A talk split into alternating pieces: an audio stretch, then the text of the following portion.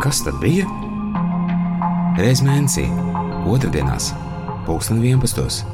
Radījums par to, kas bija tad un kas ietekmēja 20. gadsimta norises.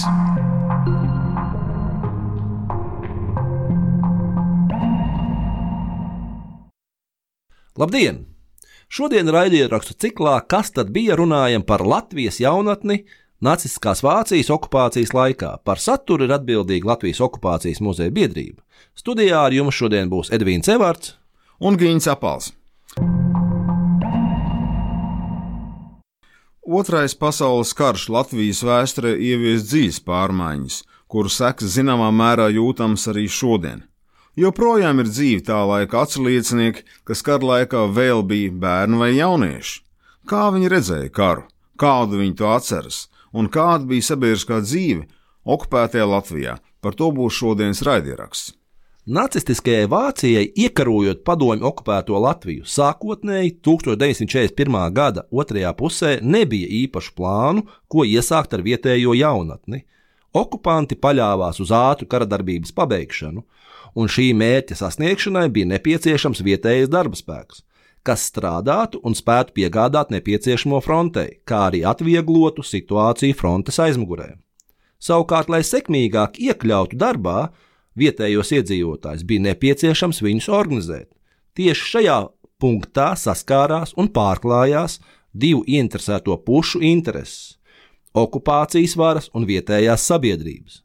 Abām pusēm gan bija pilnīgi atšķirīga motivācija veidot vai atjaunot jaunatnes organizācijas.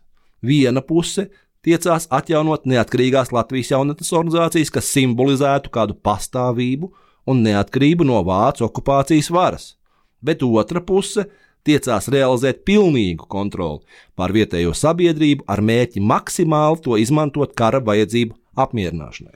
Edvīna to minēja, ka vietējā sabiedrība vēlējās atjaunot pirmskara jaunatnes organizāciju darbu.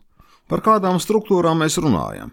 Vai varētu pavisam īsi ieskicēt situāciju pirms okupācijas? Pirmskara laikā izceļas divas lielas jauniešu organizācijas.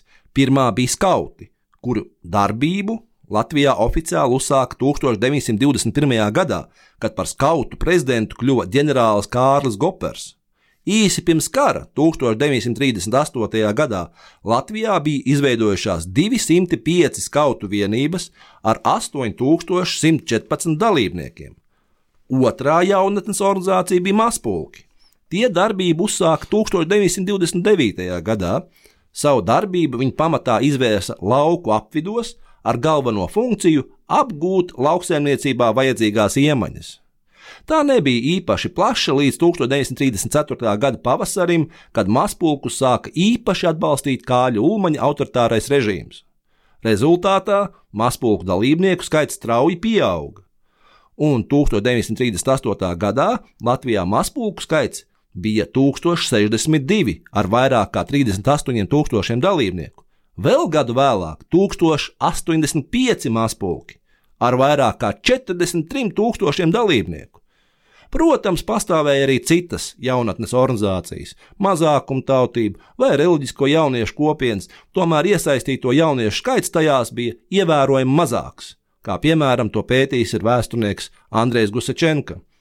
Ja aplūkojam Latvijas statistiku par 1939. gadu, redzam, ka Latvijā uz to brīdi bija 482,000 jauniešu un bērnu vecumā līdz 14 gadiem no kuriem 345 tūkstoši dzīvoja laukos, secinām, ka lielākā daļa jaunatnes nebija iesaistījusies šāda veida organizācijās.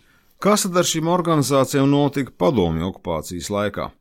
Padomju vara taču veidoja pats savas struktūras - oktobrēnus, pionierus, komjoniešus. Padomju okupācijas gadā, no 40. līdz 41. gadam, iepriekš pastāvējušās organizācijas slēdza, un atsevišķus vadītājus represēja izsūtīti 41. gada deportācijā. Gada laikā padomju vara gan paspēja izveidot nosauktās organizācijas, tomēr izvērst pilnībā darbu tās nepaspēja.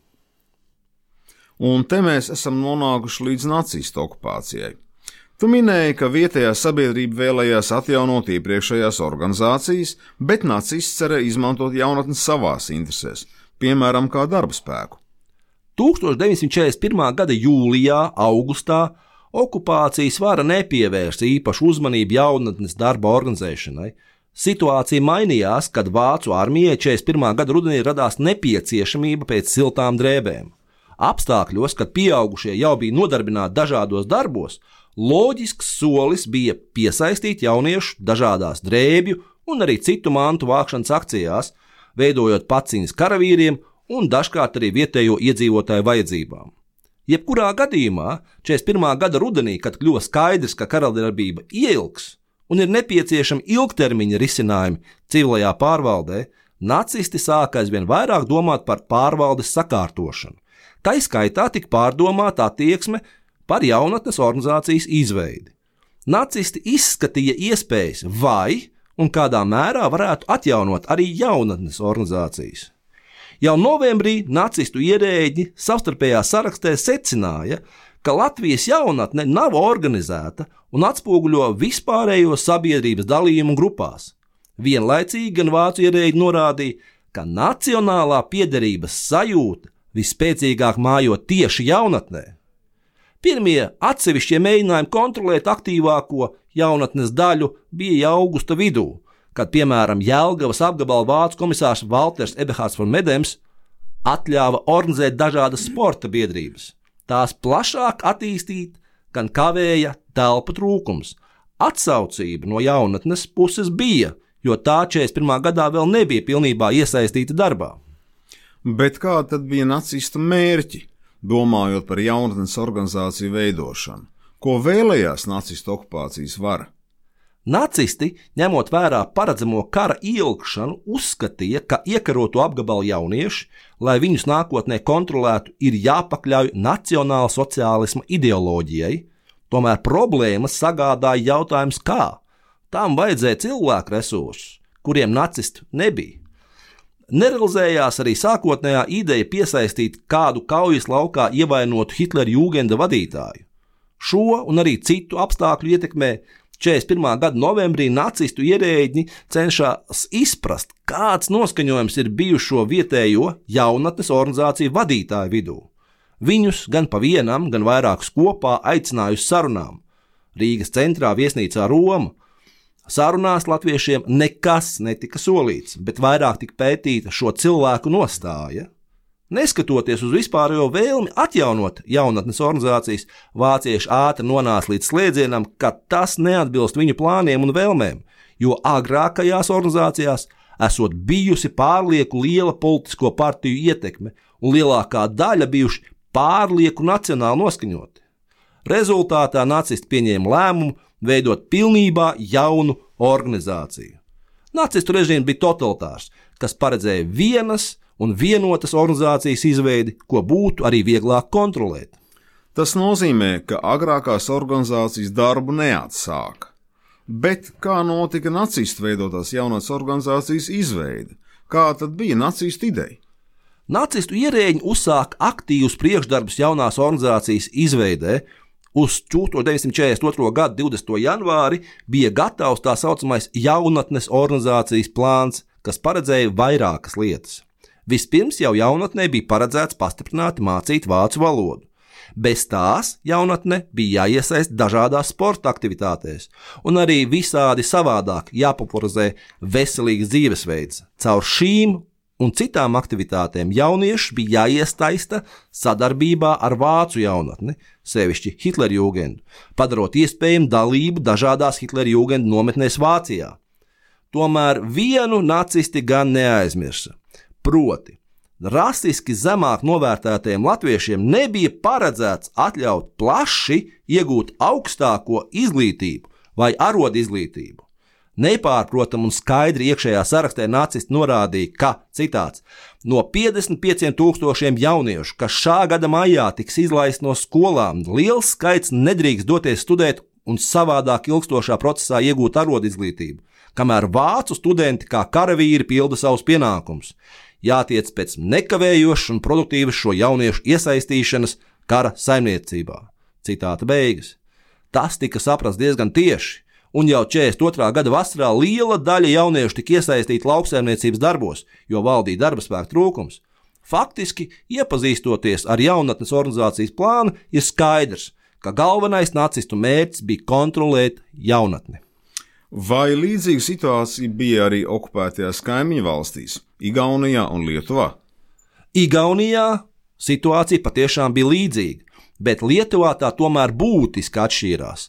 Nacistu ieskatā tur jaunatni pārāk spēcīgi ietekmēja katoļu baznīca, kādēļ jauniešus vairāk piesaistīja zemnieku saimniecībām, veidojot tā saucamos uh, Jungbauerna ringa jeb jaunzemnieku vienības, savukārt pilsētu jaunatni iesaistīja darba dienestā. Darba dienas, protams, nozīmē doties uz Vāciju, strādāt, arī apgūt jaunus iemaņas. Bet kas notika okupētajā Latvijā? Realitātē vecāki daudzas garas stundas bija aizņemti darbā un mājās varēja doties tikai vakarā. Turklāt skolu telpas daudz viet bija aizņēmuši Vācijas bruņotie spēki. Tas nozīmēja, ka daudz jauniešu, sevišķi pilsētās, lielu dienas daļu pavadīja faktiski neko īpaši nedarot, bieži klīstot ar draugiem. Veidojās situācija, ka jaunieši iesaistījās nelegālās aktivitātēs, tādās kā melnais tirgus, Laikrakstos ir atrodami daudzi raksti, kas norāda uz jauniešu iesaistīšanos nelegālajā tirzniecībā, sākotnēji tirgojot kino biļetes, bet vēlāk iesaistoties arī citu preču pārdošanā no rokas. Tas bija papildus motīvs organizācijas straujākai izveidei. Un kas tad izveidoja šo nacistu iecerēto kopīgu organizāciju? Latvijas jaunatnes organizācija, jeb LJO darbību uzsāka 1942. gada 8. jūlijā tā bija tieši pakļauta Latvijas ģenerāla komisariāta jaunatnes nodaļai. LJO galvenā mītne atradās Rīgā. Toreiz Adolfa Hitlera ielā, mūsdienās Brīvības ielā 346. Jāsaka gan, ka vēl mēnesis pagāja, 17. augustā tika izdoti ģenerāla komisāra noteikumi, kas līdz pat sīkumiem aprakstīja LJO darbību. Noteikumu pamati bija ņemti no Vācijas Hitlera jūgenda. Latvijas ģenerāla apgabalā Jaunatni vadīt uzticēja bijušam skautu vadītājam, kapteinim Aleksandram Matēsam, stingrā vācu ierādņu uzraudzībā. Viņu 42. gada 25. jūnijā šim darbam speciāli atsauca no frontes. Matējas pirmais uzdevums bija atrast atbilstošus kandidātus jaunatnes vadītāja amatos, kas ātri tika arī izdarīts. Mm. Interesanti, vai šie cilvēki kādā veidā tika īpaši apmācīti un sagatavoti paredzētiem darbam? Patiešām, gandrīz nekavējoties pēc tam tika uzsākta šo atlasīto kandidātu audzināšana nacionāla sociālisma garā. Vispirms jau jūlijā no Vācijas uz Baltiju tika nosūtīti 90 vācu Hitlera jūgenda vadītāju grupa, kas paviesojās arī vairākās Latvijas pilsētās. Pēc tam tika izveidoti speciāli kursi nākamajiem LJO vadītājiem dažādās Latvijas pilsētās, kā Liepājā un Jelgavā, bet treškārt 42. gada oktobrī, novembrī atlasītos 30 vadītājus nosūtīja kursos uz Vāciju. Viņu vajadzībām pat tika pagatavots speciāls LJO formas, gaišs, zili pelēks uzvalks ar tādu pašu naga cepuri, kam klāt bija pielikta ovāla latviska trīzvaigžņoto saules zīme, bet ap roku bija sarkanbalta sarkana lente. Šādi kursi tika organizēti arī 1943. gadā. Un kas notika pēc tam? Vai viņi tiešām bija gatavi veikt tos pienākumus, ko nacisti viņiem bija iecerējuši? Situācija te gan vairs nav tik vienkārša, jo no vienas puses viņi patiešām bija izgājuši apmācību. Tātad viesojušies daudzās Vācijas pilsētās, Tomēr, neskatoties uz to, vismaz daži no bija saglabājuši savu nacionālo pašlepnumu un izrādījušies, teiksim, nu, imūni pret nacistu propagandu. Tam par pamatu varēja būt vairāk cēloņi. Piemēram, presē aizvien tika uzsvērts, ka Latvijas, latviešu jaunatnē ir jākalpo savai tautai, savai zemē, kultūrai, un ka LJO būs pilniski, pilnīgi latviska, tomēr plašāku tautas uzticību tā neguva jo daudzi to joprojām uzskatīja par vācu Hitlera jūgenda piedēkli. Uzskatāmi to var redzēt 43. gadā, kad 1. aprīlī amatos tika iecelti visu 21 apriņķu jaunatnes vadītāji. Ātri izrādījās, ka uzsākot praktisko darbību, daudzi apmācītie jaunatnes vadītāji nemaz īsti neatbalsta nacistu mērķus, un galvenais, nav gatavi tos realizēt. Kā rezultātā nacisti vairākus apmācītos vadītājus nomainīja. Šķiet, vispilgtāk tas izpaudās situācijā, kad Matejas 43. gada septembrī no amata atbrīvoja Rīgas pilsētas jaunatnes nodaļas vadītāju Ēriku Rulli, kuram vietējā elite pārmet pārāk ciešu sadarbošanos ar vāciešiem. Šai atlaišanai nepiekrita vācu amatpersonas, un 9. novembrī ģenerālkomisārs pavēlēja atjaunot Rulli amatā.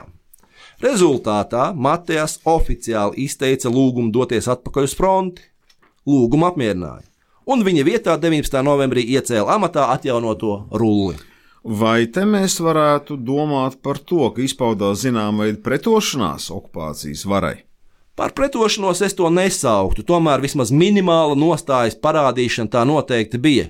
Jebkurā gadījumā no pieejamiem materiāliem varam skaidri saprast, ka absolūti ne visi jaunatnes vadītāji bija gatavi propagandēt nacionāla sociālisma idejas jauniešu vidū. Edvīna, varbūt visam īsi par skaitļiem. Cik jaunieši iesaistījās LIO? Kas viņi bija? Sākuma posmā uzmanība bija vērsta uz 10 līdz 18 gadu vecu zēnu iesaistīšanu organizācijas darbā. Tikai 42. gada jūlijā radās izpratne, ka jāveido arī meiteņu vienības. Meiteņu vienību izveide atdūrās uz tām pašām problēmām kā zēnu vienību izveids. Trūka vadītājs, sievietes, kas spētu organizēt nepieciešamās aktivitātes. Nekavējoties izveidoja speciālus kursus, kas paredzēja iesaistīt meitenes vecumā no 10 līdz 21 gadam. Kā redzam, meiteņu vecuma grupas diapazons bija lielāks, jo zēnus jau no 18 gadiem bija paredzēts iesaistīt militārajās vienībās, kā policijā, leģionā, vērmaktā vai gaisa izpalīgos pakāpeniski auga arī iesaistīto jauniešu skaits, jo viņu vervēšanā iesaistīja arī skolu sistēmu. Uz 43. gada 21. jūliju LJO bija 5526 jaunieši, bet līdz 44. gada septembrim LJO bija iesaistīti 8000 zēnu un 3000 meiteņu, kopā 11000 jauniešu. Tas ir diezgan daudz. Un tomēr interesanti, kā šie jaunieši tika nodarbināti Ko viņi darīja LJO ietvaros? Viņus iesaistīja dažādās aktivitātēs, kā sporta sacensībās, kultūras pasākumu organizācijā, nu, piemēram, organizējot kino izrādes, dažādās talkās, stādot dārzus un jaunaudzes, kā jau minēju, dažādās materiālu vākšanas akcijās, ārstniecības augu vākšanā, Jaunieši apmeklēja ievainotos slimnīcās, viņi mācījās sniegt pirmo palīdzību un daudz ko citu. Kopumā visnotaļ saprotamas aktivitātes. Jā, Jā tiešām šķietam pavisam normāla dzīve. Vai šī organizācija darbojās līdz pat kara beigām, 45. gada maijā? Negluži. 43. gada beigās vispārējā situācija frontē bija mainījusies nacistiskajai Vācijai par sliktu, kā rezultātā okupācijas režīms mainīja savu attieksmi pret okupētajām tautām. Mainījās arī nostāja pret LJO. Tagad svarīgākais uzdevums bija jaunatnes iesaistīšana Vācijas bruņotajos spēkos.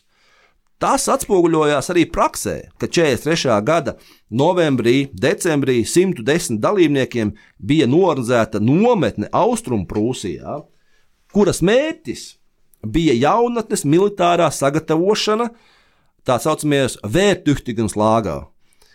Latviešu jaunatne dalībai šādā nometnē gan raisīt dis diskusijas vācu ierēģu starpā, vai ir pieļaujams militāri gatavot karam nevācu jaunatni. Tādēļ 44. gada 30. martā šāda nevācu dalība tika aizliegta, un esošā infrastruktūra pārorientēta uz Vācijas gaisa spēku izpalīgu dienestu. Šis solis bija pretrunīgs ar iepriekšējām idejām, bet ļāva nekavējoties iesaistīt jauniešu militārajā dienestā. LJO aktīvi bija jāpalīdz Nacistiskajai Vācijai realizēt šos plānus, ko tā jūlijā arī sāka darīt, propagandējot 16, 17, dažkārt pat 15 gadu vecu jauniešu vidū nepieciešamību, kā toreiz teica, aizsargāt dzimteni un stāties šādās vienībās. Padomju armijai gūstot panākumus, LJO 1944. gada rudenī pārcēlās uz Tropavu pilsētas Silēzijā, mūsdienās tā ir Opava Čehijā, kur tā 45. gada maijā izbeidza darbību. Laikam varam secināt, ka LJO darbība nav vērtējama pilnīgi viennozīmīgi. jo kara laikā tā piedāvāja jauniešiem alternatīvu nodarbošanās veidu un aktīvi nepropagandēja nacionālas sociālas idejas. Ar šādu noskaņu tad šodienas raidījums laikam arī tiek pabeigts. Lielas paldies par uzmanību! Paldies! Visu labu!